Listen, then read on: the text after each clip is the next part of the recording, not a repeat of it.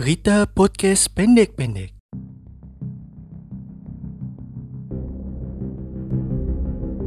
Aditya Fernando Pasyah selaku pemilik situs Dunia Film 21 difonis hukuman penjara selama 14 bulan oleh Pengadilan Negeri Jambi atas kasus pembajakan film Keluarga Cemara karya Visinema Group.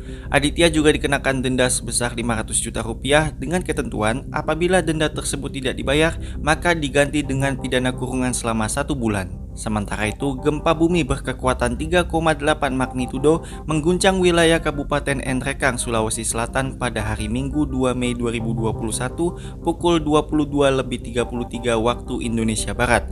Sementara gempa bumi lainnya terjadi di Tua Pejat, Sumatera Barat dengan kekuatan 5,7 magnitudo pada hari Senin 3 Mei 2021 pukul 00.46 waktu Indonesia Barat. Berdasarkan lansiran BMKG, kedua gempa tersebut tidak berpotensi tsunami. Sementara itu, seorang pria yang merupakan warga desa Kertajadi, Kecamatan Cidaun, Cianjur, Jawa Barat, nekat membakar mantan pacarnya karena diduga tidak terima diputuskan oleh mantan pacarnya.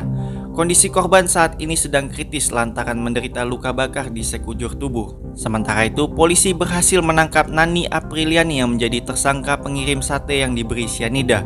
Target penerima sate tersebut adalah seorang aparatur sipil negara yang Nani kirimkan melalui ojek online atas nama Pak Hamid. Namun target tidak merasa mengenal sang pengirim dan memberikan sate tersebut kepada sopir ojek online yang mengirim sate tersebut. Sate tersebut kemudian dimakan oleh keluarga sopir ojek online tersebut dan anaknya meninggal dunia. Sementara itu, dari kabar olahraga, Inter Milan resmi menjadi juara Liga Italia musim ini setelah Atalanta bermain imbang 1-1 atas Sassuolo pada pertandingan ke-34 Liga Italia. Ini merupakan gelar juara yang ke-19 bagi Inter Milan. Sekian berita podcast pendek-pendek kali ini.